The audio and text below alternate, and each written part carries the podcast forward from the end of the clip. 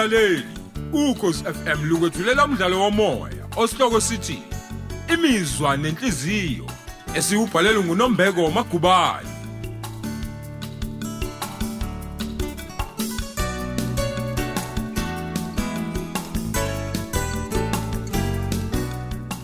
Lesi isiqebu samashumi amabili nambili.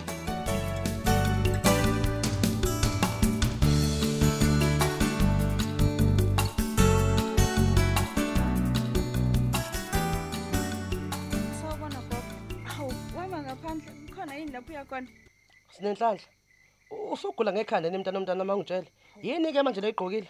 Oh, u- usho lokho gogo. Yeyeni mahlobo. Nakho ngigulelwa ingane. Sinenhlanhla. Ngithi msangano muni lo ugqokile. Awu kahle gogo ngamawala yibo. Angikhuli nakancane mina, impahla zesikole lezi. Oh, sanagqoka amanikiniki manje ezikoleni. Kusukela nini? Cha bo gogo, hawu namhlanje besenza speech and drama. Angibange ngisazikhumula kingubo ngoba phela besenza nge last period. Oh, manje kugqoka amanikiniki ke uma kufundwa leyo speech drama eh, stra- speech drama yini? Kodwa gogo akuvu ngihlekisa. Isifundo lesi sibiza nge speech and drama. Anginandaba lokuthi sibizwa ngani mina noma kanjani. Ngifuna ukwazi ukuthi sifundo sini lesi ogqoka kuso amanikiniki. U- u- Umbovu yazi ukuthi senagqoka lo msangano. Awu kodwa gogo ak- akusiwo amanikiniki. Kubiza ngekhalesa costume lokho engikugqokile. Kuyini ke futhi lokho? Hayi gogazi. Ngizodinga nje isikhathi esanele ukuze ngikuchazele kahle. Kodwa ke nje i-speech and drama isifundo esimayelana nokulingisa. Ukulingisa. Mm. Usuke kulungiswa bani lapho kulungiswa ba? Awu kodwa gogo Nkosi yami. Yazi nje silingisa okubhalwe encedini. Abafundi abathanda ukulingisa emsazweni nas- nakwithelevishini benza sona lesi sifundo. Sinenhlanhla. Uqonda ungitshela ukuthi wena umosa imali enga- engiyisebenza kanzima. Kanti ufunda umbhedo? Ngizovuka ekseni ngiye kumbovu. Uzongitshele kahle ukuthi uhloseni ngekusasa lezingane zethu. Awu, Inkosi kahle impela. gogo, ngolaka kahle. Mhm. Awusho yimuphi umdlalo wena uthanda ukubuka lapha kuthelevishini? Muzungibuza umbhedo wena. Uyakithi ngithini kuwe? Ngisuka ngiyibuka nini mina i-television ngoba phela wena uhlezi ugodle lokho okushintsha iziteshi. Angithi phela nisiphethe la ekhaya ufuna sibuke o- okuthandwa uwe. Awu cha anginjalo gogo. Engane ngisuke ngisesikoleni nje mina imini yonke. Sengisizwa yisona phela isikole leso. Futhi ke phela kungangcono uma nifunda imini nobusuku. Hawu. Zonke izinhlelo ze-television zingabuzwa zingabuzwa kimi la ekhaya. Wey hayibo. Omani uyasho nje gogo, ngeke wena uhlalela ukubuka inhlelo usuku lonke. Ungathi kuthanda nje ukulima? Ngeke. Angikuthandi ukulima. Ngilima ngoba phela abazukulu bami kumele badle. Manje wena uthatha i- imadlana engiyithola ngo- ngokulima uyofundela ugqoka amanikiniki? Hawu cha ngeke ngivume lokho. Awu kodwa gogo yazi angazi ukuthi ngizochaza kanjani. Kodwa nje iningi labalingisi lisuke lenza zona izifundo ze-speech and drama ezikoleni. Uchaza ukuthi akusiwo umbhedo lokho o- okwenzayo? Cha gogo akusiwo, isifundo simnandi kabi lesi. Hayi ke ngiyezwa mzukulu. Manje pho yini le e- oyigqishe e- e- esiswini? Phela kusona isisu sakho lesi. Bengidlala indawo yomuntu okhulelwe.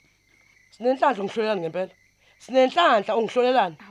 Bengekho ingxenye obunga obungayidlala ngaphandle kokuqhubisisa. Eh? Awu Uzofuna ukuzala ungishiye nengane njengomama wakho? Kodwa abanjani gogo ngokumane uvuke ngolaka nje isidingo singekho. Akukho umuntu ozongikhulelisa. Yazi yini uma udlala ngento ongadlalwa ngayo? Noma mhlambe nawe usu- usuqomile nje njengomngane wakho lo. Awu cha gogo angiqomile. Kanti unosipho sehlukene ke futhi nolunga. Uqinisela sinenhlanhla? Hawu ngempela gogo sibhekene nomatikuletsheni manje. Uyathi uqamba uphela unyaka siyobe sazi nje ukuthi siya kiphi inyuvesi. Ah, ungaze ngajabula ke mzukulu. Awu, ngajabula mntana omntanami. Uma sibuya uzoke alale ubuthongo uma ezwa ukuthi unosipho uhlukene nalesilingo somfana kaKashezi. Awu gogo. Uzobezwe ngobani? Ngiyacela ke nje gogo ngiyacela. Ngiyacela nje ungangixabanisi noSipho please. Sinenhlanhla. Hlukana nokungishayela umthetho emzini wami. Angithi ngithini wena? Hamba uyokhuluma lama okhuluma ngamanenkine kakho.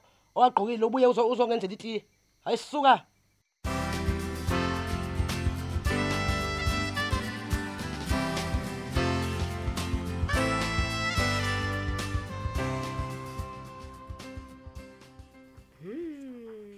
Hayi. Waze wanzima nanku umsebenzi wokuthutha bo, unjalo nje uyagqilaza. Hey, awubuke nje ngoba kade phela ngiqalile ukupakisha impahla kodwa kodwa kusasela inqwaba. Hayi. Ya, hayi, sengicabange kahle. Ngizobele ngipakishe kancane kancane kuze kube ngiyaqeda. Ake ngiyogeza ke khona kuzokwazi ukuphumula. Hey. Kwazise phela lo suku lami lokuqala luzoba lude. Mm. Ngiyathemba ukuthi usikhumbuzo ufike kahle ekhaya. Mhm, Angigeze kuqala, ngizobe sengiyamshayela mangiqeda. Hayibo. Ubani? Eh uDr Madlala Dr. Madlala. Ngingakusiza ngani bhuti?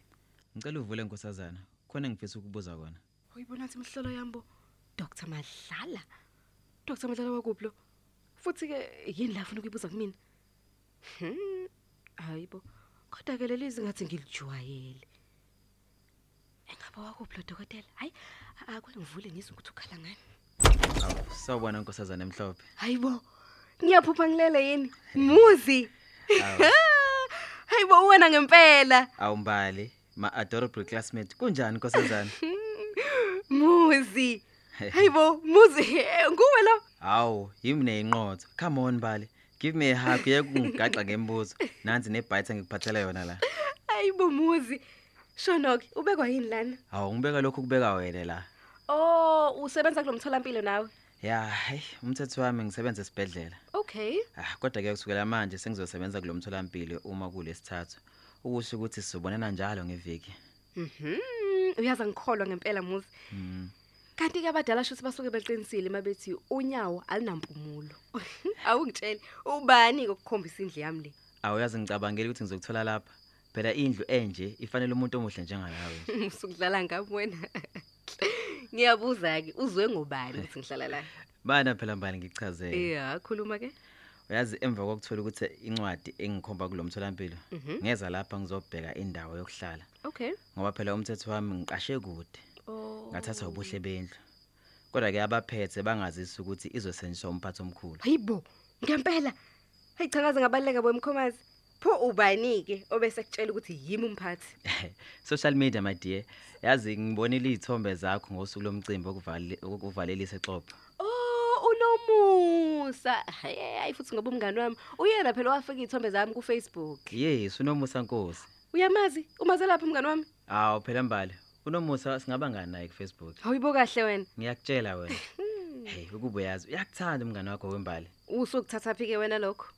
mbali uphila komuphi umhlaba kanti wena awungeni yini wena ko-facebook nako-twitter We muzi hanginaso nje mina isikhathi sa yini lezi zinto o social media we mina ngizibuyela emsebenzini nje ngiphekela umyeni wami. Emva kwalokho nje sihlale phansi sizixoxele noma sibuke i- ama soap noma indaba ku TV ay yabona ke lezi zen nje. Ay ay ay awu ngeke mbali. Awusenayo i-life girl hayibo uqonda ukuthini ke ngalokho?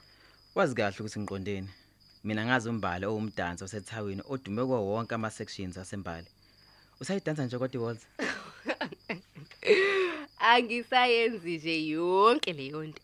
Empeleni nje angisayi angisaphili mina kulowo mhlaba wena muzi. Sengashada futhi ke impilo esengiyiphila manje nomyeni wami. Hayi cha iyangigcwelisa bandla. Hayi cha angikwazi-ke okunjena-ke mina. Udlamini nguye nguye owakuyekisa ukwenza izinto oyithandayo? Kusho ukuthi akandoda yalutho uma umenze njalo-ke. Hayibo wemuzi ngikholwe ke wena uma ngithi nje uyabona imina engasithathela isinqumo sokushiya phansi yonke leyo nto. Umyeni wami akazi nokuthi ngeke ngaba umdansi bakithi. Ayi geza izandla mina namuhla. Futhi ngijabhile. Awusho-ke wembali umshiya nobani udlamini wakho ngoba kubuya sengathi awumthandi uyayifela. Nje uthi uzokwazi ukuphila nje ngaphandle kwakhe? Kuzozameka khona. Ngimshiye ekhaya futhi kayikho inkinga nencane ngoba phela ngizombona njalo ngempela sonto. Mbali ungangitsheni ukuthi ushade nomahlalela hayibo ikhona yini inkinga uma ushada nomuntu ongasebenzi kanti wena wazini ukuthi uthanda linamkhawulo? Hhayi ngeke mbali. Uqweqe likametron lungamane lusukele nje umuntu ophenduka nelanga nsuku zonke. Kusho ukuthi ufakazela ukushiwo abantu ukuthi iningi lamadoda ashade namanesi ondliwa amakhosikazi. Ayi muzi wena namanje ngempela ngempela ukayeki nje ukuhamba ukhuluma nje uhamba ukhuluma. Hayi cha ezinye izinto ayisoze nje zashintsha. Hhayi no mbali akusikho ukukhulumela futhi. Kukubeka nje iqiniso njengoba linjalo. Kanti ikhululeka-ke wemusi ngoba owami umyeni uyasebenza bandla bengimane ngisho nje. Oh hhayi bese ngithukile.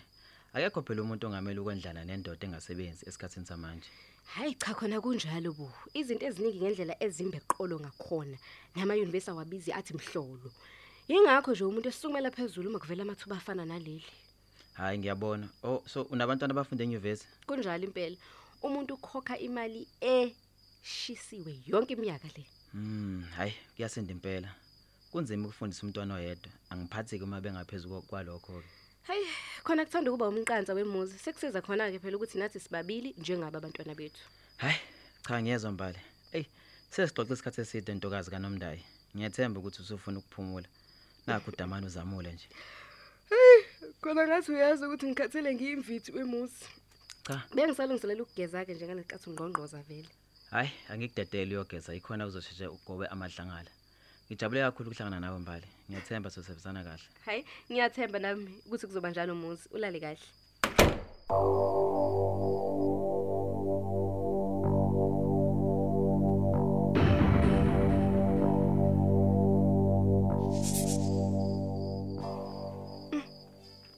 Hey. Yaza ngikholwa ke le. Engiceda kizwa. Umuzi udokotela. Futhi uzosebenza kuwo lo mtholampilo. Hayi bandla. Cha, yena kasiyona bandla inkinga futhi unenhliziyo emnene bandla. Yikho nje ukuthi nokwaya ngithandisisa ukusebenza naye ngoba phela iqiniso lithi sinawo umlando. Futhi ngineqiniso lokuthi usikhumbuza angeke aphatheke kahle uma engezwe ukuthi sisebenza ndawonye. Oh, myeni wami bakithi. Uyoma nacabanga ukuthi nje ukusebenza lapha kwakuvele nje kuyiso lokubonana nomuzi we. Mm. Bheka ke ngoba bengingazi nanokuthi udokotela. Engabe muzi usuwashadelwa yini? Ngoba phela hayi akazange nje azayiphathe inhlobo leyo. Ube medane ephonsa mina nje ngemibuzo mayelana neyami impilo. Mm. Hayi. Cha, akwengeze ngiyolala ngoba vele anginazi impendulo zale mibuzo sengqondweni yami.